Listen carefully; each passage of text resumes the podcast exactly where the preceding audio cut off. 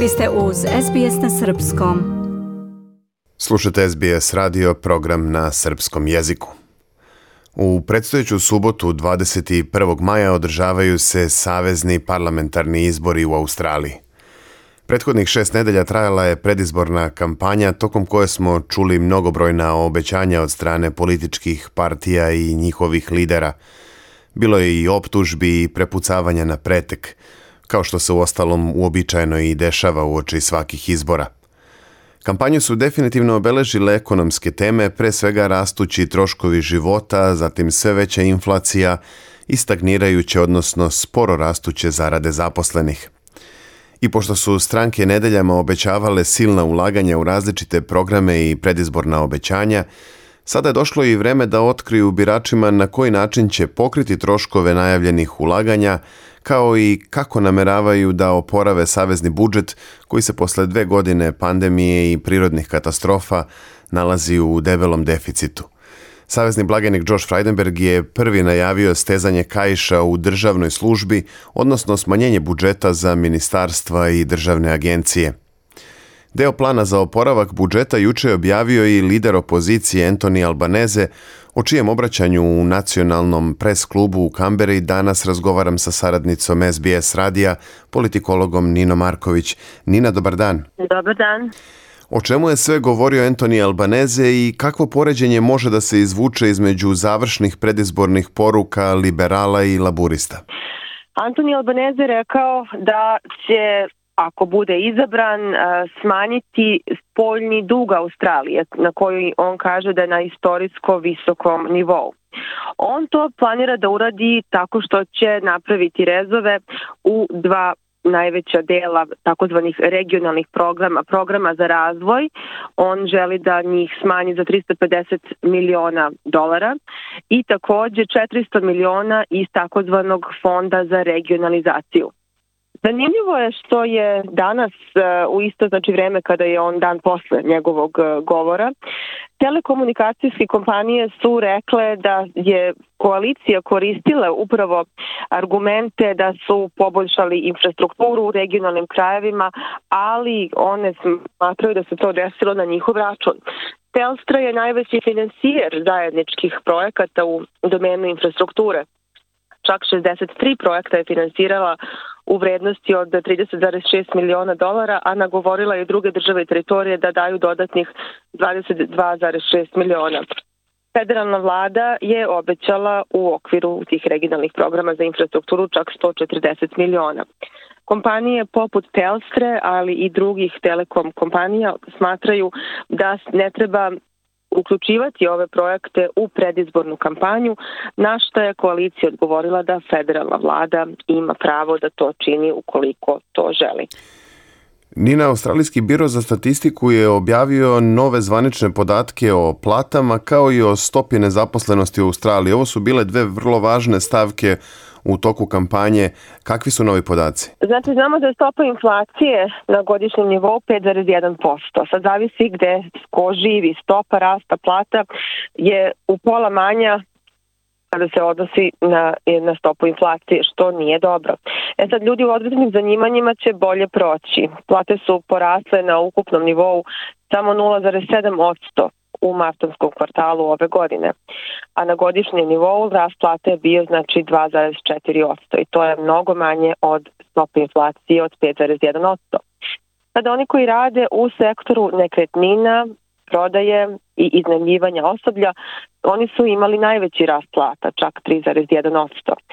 Sledeći su profesionalne i tehnološke usluge e, kao i proizvodnja, njihove plate su porasle za 2,7% po, kako gledamo, znači čitavu Australiju, Novom Južnom Velsu, Viktoriji Južnoj Australiji na Tasmaniji, porast plata je ukupno bio za 0,6%, a najmanji porast plata na, u ovom kvartalu se o, može videti u severnoj teritoriji.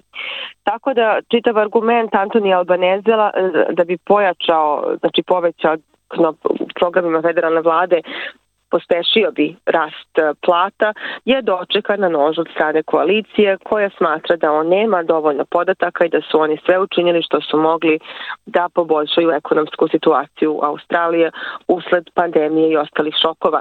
Međutim, Antonija Albaneza kaže da je u stvari trošenje ono što je bilo najveći problem i da on to mora dovesti u red. Nina, utisak je da lideri najvećih stranaka imaju i različite stavove po pitanju eventualnih zaključavanja ili nekih drugih strogih pandemijskih mera u budućnosti. Premijer je rekao da nema više zaključavanja ako njega pitaju, ali kao što znamo to je ipak kompetencija država i teritorija, ne federalne vlade. Antoni Albaneze kaže da se treba fokusirati na booster vakcine, a da ne možemo da predvidimo u budućnost.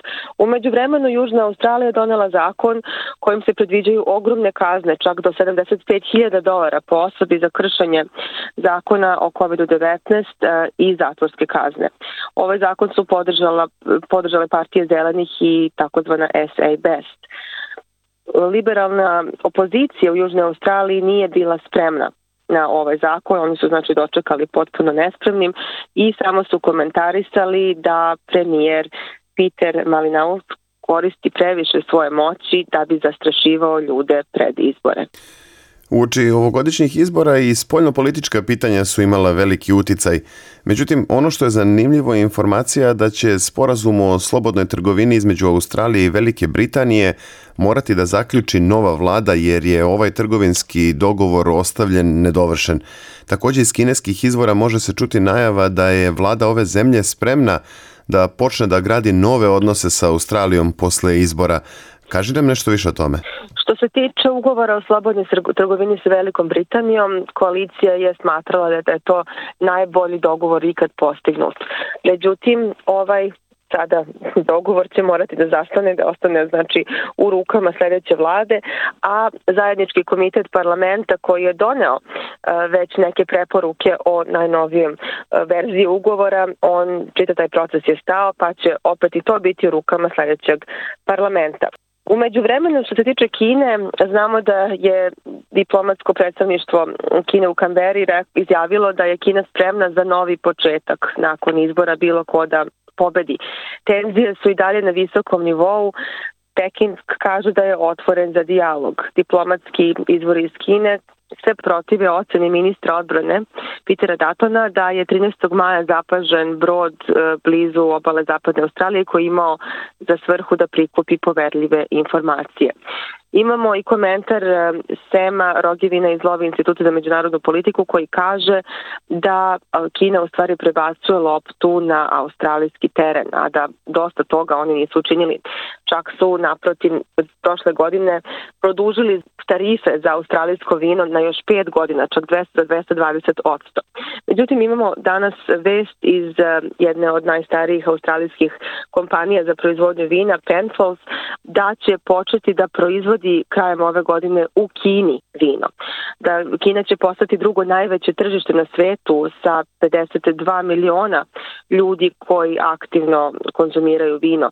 Tako da bih na neki način ponila sebe od ovih restrikcija. Ako Penfolds napravi Made in China, vino pravljeno u Kini, na taj način će nastaviti da prodaje pod svojim imenom, ali taj proizvod će se e, proizvoditi u Kini. Antoni Albaneze kaže da niko se ne treba bojati ako on postane premijer, jer će prvo se nastoji da se sastane sa svojim saveznicima iz um, SAD-a, Japana i iz Indije. A Penny Wong je u svojoj uh, nedavnoj um, konferenciji za štampu najavila da je nacionalni interes na prvom mestu. I za kraj, e, Pauline Hanson je dobila COVID e, samo nekoliko dana uoči izbora. 67-godišnja e, liderka svoje partije rekla je da i dalje ne želi da razgovara o vakcinaciji i smatra da je zakačila virus za vreme kampanje u zapadnoj Australiji. Nina, toliko za danas. Hvala na ovoj analizi. Bila je to naša stalna saradnica Nina Marković sa pregledom najnovijih informacija sa australijske političke scene. Vi slušate SBS radio. Moje ime je Branko Cvetojević. Ostanite uz nas. Želite da čujete još priča poput ove? Slušajte nas na Apple Podcast, Google Podcast, Spotify ili odakle god slušate podcast.